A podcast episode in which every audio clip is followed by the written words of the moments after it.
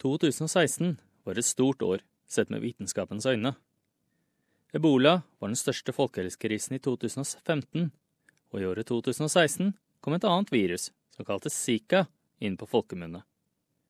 Det var også et år for vitenskapelige nyvinninger.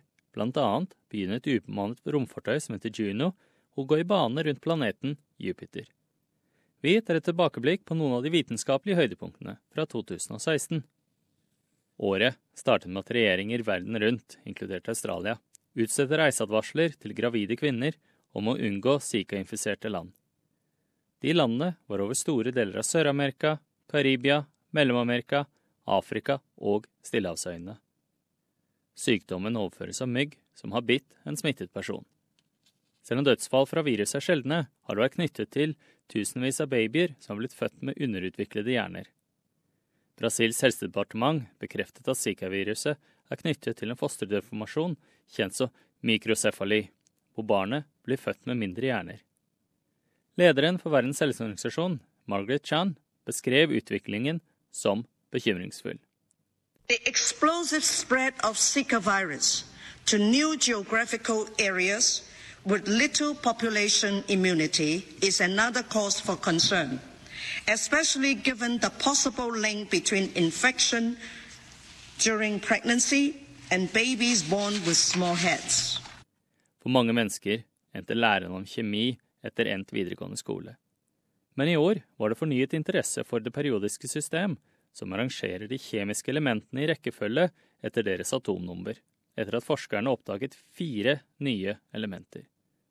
Inn på tabellen kom nihonium, som hadde for atomnummer 113, Moskovium, atomnummer 115, og Tennessine 117 og Oganeson 118.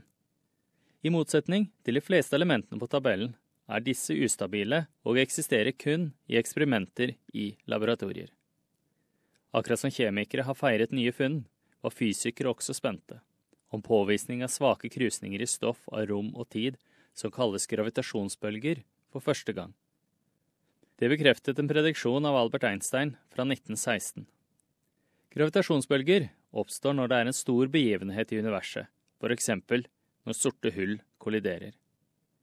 Astrofysiker Katie Mack forklarte at det åpner opp for nye måter å forstå universet på.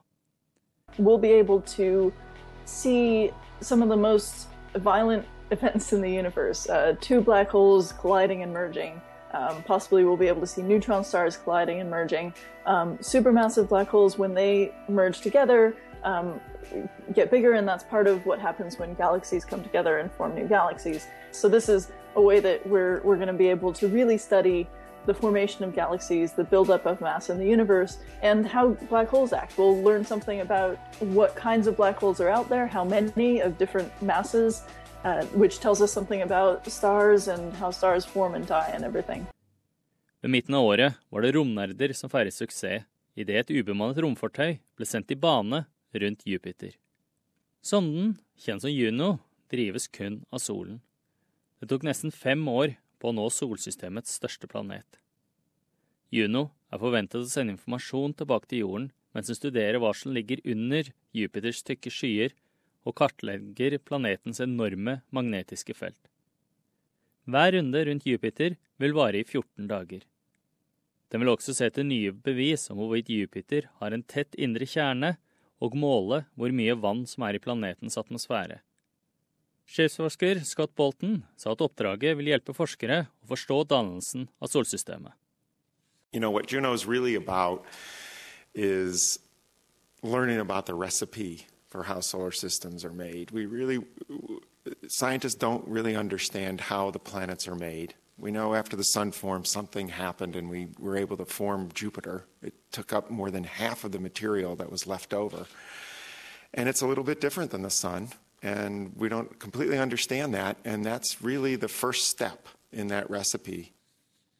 Leger i USA viste at en gutt hadde blitt unnfanget gjennom en ny teknikk, kjent som trepersons fruktbarhet. Det vil si at barnet ikke kun har DNA fra sine foreldre, men også noe DNA fra en donor.